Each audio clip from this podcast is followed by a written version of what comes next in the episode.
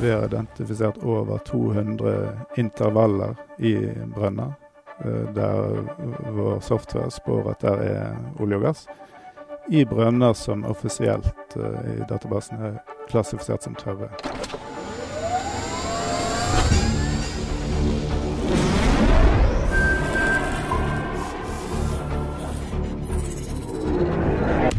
Velkommen til Teknisk sett, en podkast fra TU. Mitt navn er Jan Moberg, og jeg står eller sitter her, Odd-Rikard. Hei. Odd-Rikard Valmot.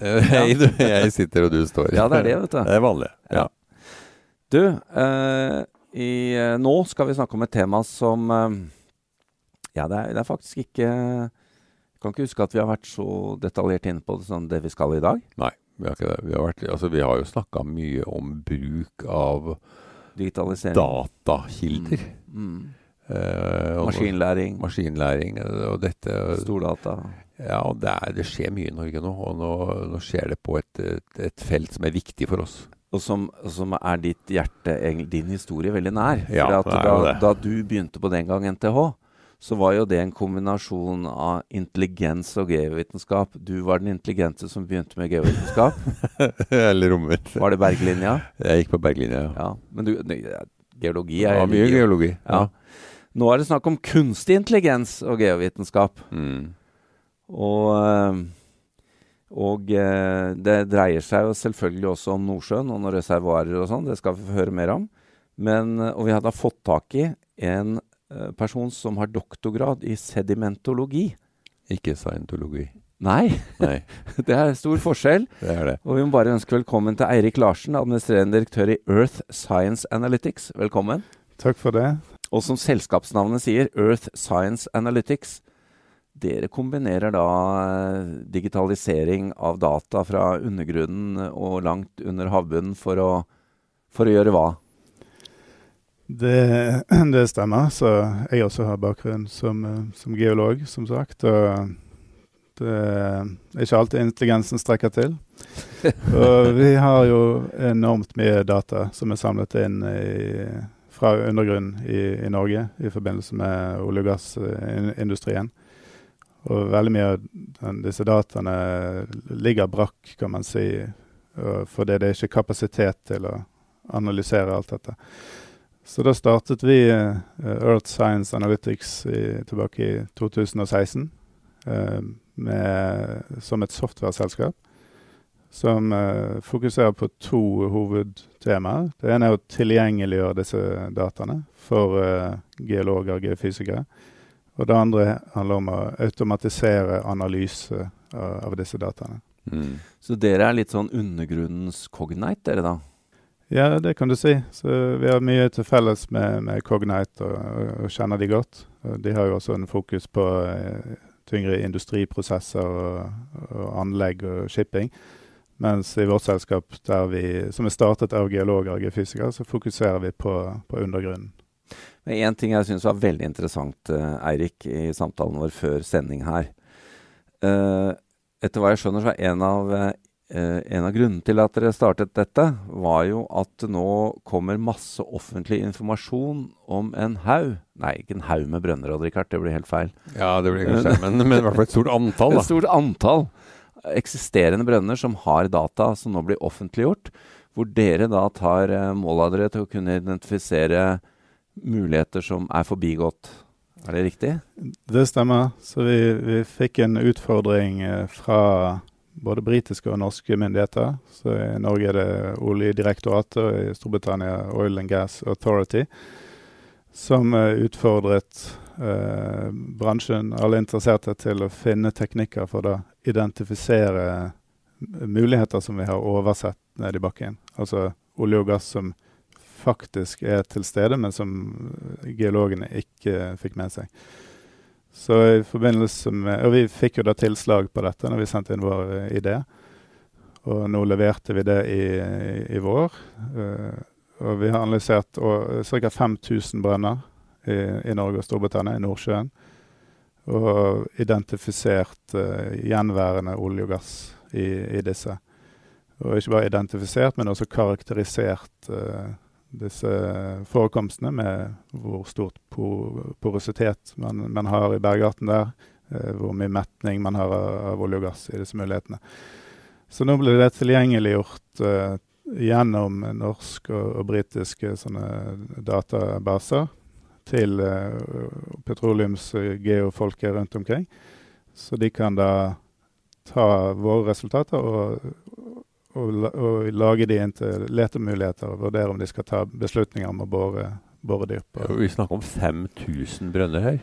Det er 5000 brønner, ja. Så det ville være veldig lite praktisk å analysere de på tradisjonell måte. Det skal få meg til å tro. Menneskelige eksperter. Det ville tatt eh, mange, mange år å gjøre. Men før vi kommer til hvordan dere gjør det. altså Det, det, det du forteller er at Av disse 5000 brønnere så har dere funnet konkrete muligheter for selskapene. Og dette er etter hva jeg skjønner også på det området som vi antar å være moden uh, sokkel, eller områder. Så det er snakk om å utnytte der, der det billigst hentbare ressursene, da. Ja, det stemmer. Så det var litt av grunnlaget for å, å utfordre miljøet. da, og, og, identifisere muligheter i modne områder. For her står jo infrastruktur ute i havet i dag som har store nedstengningskostnader når den dag ja. kommer. Så hvis ja, man kan forlenge livet på dette, og, og, og de investeringene vi allerede har gjort, så er jo det veldig god økonomi. Så derfor var nordlige Nordsjø i begge land eh, valgt. Må jo vi innse, Odd Rikard, selv om vi, vi, tilhører jo den grønne bølgen her, ny energi vi, liker å, vi, liker å, si det, ja. ja. Men eh, bortsett fra at det er gøy med stempelmotor, det, vi kommer jo til å trenge olje og gass ja, lenge altså, ennå. Det, er for, det er jo fornuftig. Det er, også, det er også litt sånn parallelt med å sånn, det, det, er lønnsomt å kjøre en gammel bil til en er borte. Ja, Fremfor, fremfor å kjøpe, å kjøpe en ny elbil. Ja. Ja, det er jo litt av det, samme, det litt av det samme her. Ja. Men da er det jo veldig viktig at dette skjer i de modne områdene, der infrastrukturen er. Så dette er jo utrolig spennende. Men Eirik Larsen, jeg må spørre deg. Altså Det dere henter data fra, det er jo ikke bare seismikk som er skutt og er digitalt fra Det vil si det er vel ikke bare digitalt fra starten, men det er uh, digitalt seismikk. Men her er det også snakk om, om prøver, geologiske prøver fra, fra kjerner. Hvordan, hvordan, blir det digitalisert? Altså hvordan For, for her er det jo vant til at noen går inn på et eller annet lager og henter en prøve og, og sitter og studerer på en lab. Mm. Men dette skjer nå digitalt. Hvordan? Ja, det, det stemmer. Så egentlig alle datatypene som vi forholder oss til i, som geofagfolk, de, de kan nå opptre i digital form, inkludert seismikk. Mm. Eh, logger fra, fra, måleinstrumenter som vi senker ned i, i brønner. Eh, kjerneprøver som vi henter opp fra, fra dypet. De tas det jo eh, bilder av, eh, både med, med hvitt lys og og UV. andre form UV-lys. Og uh, prøver utsettes jo for uh, analyse i laboratoriet, så man studerer mineralogien til mm. prøvene. Uh, man identifiserer bergartstyper, porevolum i prøvene, permabilitet, metning av olje, vann og gass. Og alt dette kan vi da lagre i, i vår software digitalt. Det blir en del data ut av 5000 bønder. Hvor, hvor store datamengder snakker vi om da? Eh, det var en kollega som regnet ut at hvis du legger de eh, loggene etter hverandre, de har 15 cm sampling, ja. så når de rundt jorden. ja. ja. Da skal du sitte noen, eh, noen år med manuell behandling. Ja. ja, jeg vil jo si Det høres ut som ti år på meg, da. Men, ja. men dere klarte det her på relativt kort tid? Ja, et eksempel på hvordan man gjør det manuelt for å regne ut eh, porositet til en sånn bergart, så er det jo Måleinstrumentet det måler jo bulktetthet. Tetthet til hele greien. Stein, ja. porerom og væske som er inni der. Ja. Så i ligningen som eksperten bruker for å løse det problemet, så må jo eksperten da eh, gjøre en antagelse om tettheten til mineralkornene ja. og tettheten til væsken.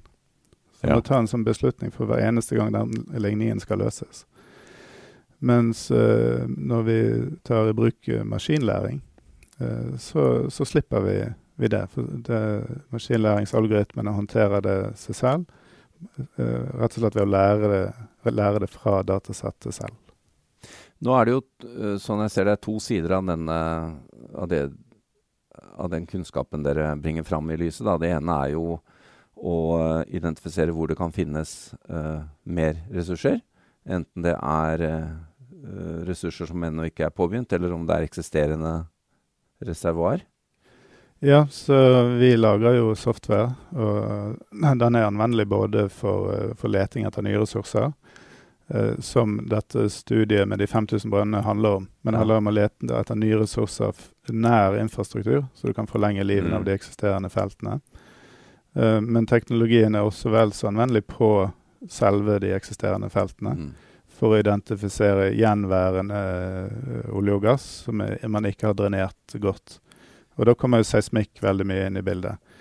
Og bransjen bruker jo uh, sånn time series seismikk. 4D kalles det. Du, ja. du, du repeterer seismikkundersøkelsen med, med, flere intervaller, og så ser du på endringer over tid.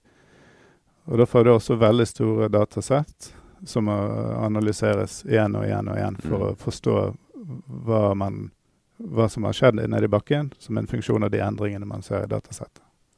Og her eh, ligger jo også eh, da den andre oppsiden, nemlig at du forhåpentligvis trenger å bore færre tørre brønner. For det er jo store kostnader. Ja, absolutt. Eh, brønner eh, koster jo flere hundre millioner. og En del brønner har også kostet over en, en milliard. Så det er et enormt eh, potensial til å spare kostnader med å ha bedre beslutningsgrunnlag for hvilke brønner borer man, og hvor og hvordan borer man de. Men dere fant altså 200 potensielle kandidater i, av de 5000? Ja, så det var jo om å gjøre identifisere det vi har oversett. Og vi har identifisert over 200 intervaller i brønner eh, der vår software spår at der er olje og gass. I brønner som offisielt eh, i databasen er klassifisert som tørre. Det er, eh, det er, uh, sikkert mange som er interessert i å se på de dataene. Ja, det vil, jeg, det vil jeg, tro. Altså. Og det er klart at det å bygge ut uh, noe som gir avkastning i nærheten av infrastruktur, det må jo være mye bedre enn å, å begynne på helt nye områder, f.eks. i Barentshavet. Ja. Absolutt. Så eh, akkurat i dag så er eh, dataene som vi produserte, eh, tilgjengelig for sponsorene til dette prosjektet. Men, men de vil også tilgjengeliggjøre det for, for, alle som har tilgang til databasene i, i begge landene i løpet av kort tid. Så er det jo fascinerende hvordan vi har hørt historier om, om lete letemannskaper, holdt jeg på å si. Profesjonelle letere, geologer, som, som etter mange år finner ressurser der man trodde det ikke var noe å finne, hvor forgjengeren har vært. Og, altså Johan Sverdrup er et sånt eksempel ja. hvor, hvor uh, når de fant uh, dette, så var det jo bare noen hundre meter fra der den siste boringen var gjort. Ja. Og nå skal du da automatisere denne her uh, hunchen. Og det er jo utrolig spennende. Ja, ville, ville dere ha funnet det samme som de fant som de gjorde når de fant Sverdrup? Tror du det? Jeg skal ikke si det akkurat med det tilfellet. Det kan jeg diskutere med Hans Kristen Rønnevik en annen gang. Men, ja. Eh, men, generelt så er vi jo sikre på at den teknologien vil ha en enorm verdi når det kommer ja. til å identifisere mul eh, nye muligheter. Muligheter som har vært oversett, som vi viste at man kan gjøre i dette prosjektet som vi nettopp gjorde. Og også nye muligheter der det ikke er båret fra før ja. med å behandle seismikk på nye måter. Du sa også at uh, dette kan brukes utafor uh, oljesektoren til å finne reservoarer for å injisere CO2 f.eks.? Ja, det heter jo Earth Science Analytics, så vi har fokus på, på undergrunnen og ja. datavitenskap. Og dette med lagring av CO2 er jo veldig viktig for bransjen og, Norge og verden. Mm. Og når det gjelder lagring av CO2, så er det selvsagt viktig at den blir værende der hvor vi injiserer den. Så i dag sitter geologer og geofysikere og analyserer disse stedene man har ja. identifisert. Og disse fagfolkene de kan også benytte seg av vår vår teknologi for å automatisere sine arbeidsflyter. Da er det viktig at du har et, et godt lokk over det reservoaret der du skal pumpe inn CO2-en, tenker jeg. Ja, det er det. Nå, vi, vi, kan studere forseglingsegenskapene til ja. takbergarten. Uh, vi, vi, kan studere forkastninger som uh, begrenser uh, CO2-en lateralt. Vi må også ta med Richard, det, det du var inne på, Eirik, her med at uh, Nå er det litt farfetch, da, men siden vi er på, litt på teknologi og sånn her, nemlig at noen av disse reservoarene kan jo også uh, være energilager for trykkluft. Ja, det stemmer. Så det er noe vi også ser på. Selve teknologien rundt det med, med kompressor osv., det er det andre som håndterer. Men vi, vi skal se på reservoarer som mulige reservoarer for, for trykkluft. Eh, og hvorfor det? Jo, fordi i, når det gjelder fornybar vind og, ja. og, og, og, sol, så vil jo disse energikildene produsere energi når det, vinden blåser og solen skinner. Mens markedet konsumerer energi gjerne på andre tidspunkt. Så da mm. trenger man en mellomlagring. Og det er mange uh, måter å gjøre det på, med hydrogen, uh, batterier, batterier. Men, men, trykkluft uh, er en, en, en, mulighet også. Så da kan vi bruke vår teknologi da, til å forstå uh, i hvilken grad reservoarer i nærheten av disse energikildene er egnet til å holde på dette trykket. Ja, det brukes jo noen steder i Tyskland og USA allerede. Ja, ja. I saltgruver er det jo det klart, vel? Det er gamle saltgruver, ja. ja. Dere, vi uh, må avslutte, men uh, her her er det veldig spennende å se hva som kommer ut av uh, disse funnene, uh, Eirik Larsen. Og og Richard, her får vi mer utnyttelse av de modne feltene i, på kontinentalsokkelen, noe som ja. er helt nødvendig. Ja, ja. Og jeg syns jo det kan være morsomt å se på potensialet på land også, når det gjelder gruvedrift. Utbredelse av malmer og sånt. Det er jo viktig etter hvert i det grønne skiftet. Vi trenger nye metaller. Absolutt. Uh, vi har jo i tillegg oppdaget uh, store mengder metaller på havbunnen ja. uh, ute i havet utenfor Norge, så det kan også være en mulighet. Det blir uh, datterselskapene Gold Science Analytics og Diamond Science Analytics det da, Eirik Larsen, administrerende direktør Earth Science Analytics, takk skal du ha for at du kom innom oss. takk til Odd Rikard, og mitt navn er Jan Moberg. Takk for at jeg ble invitert.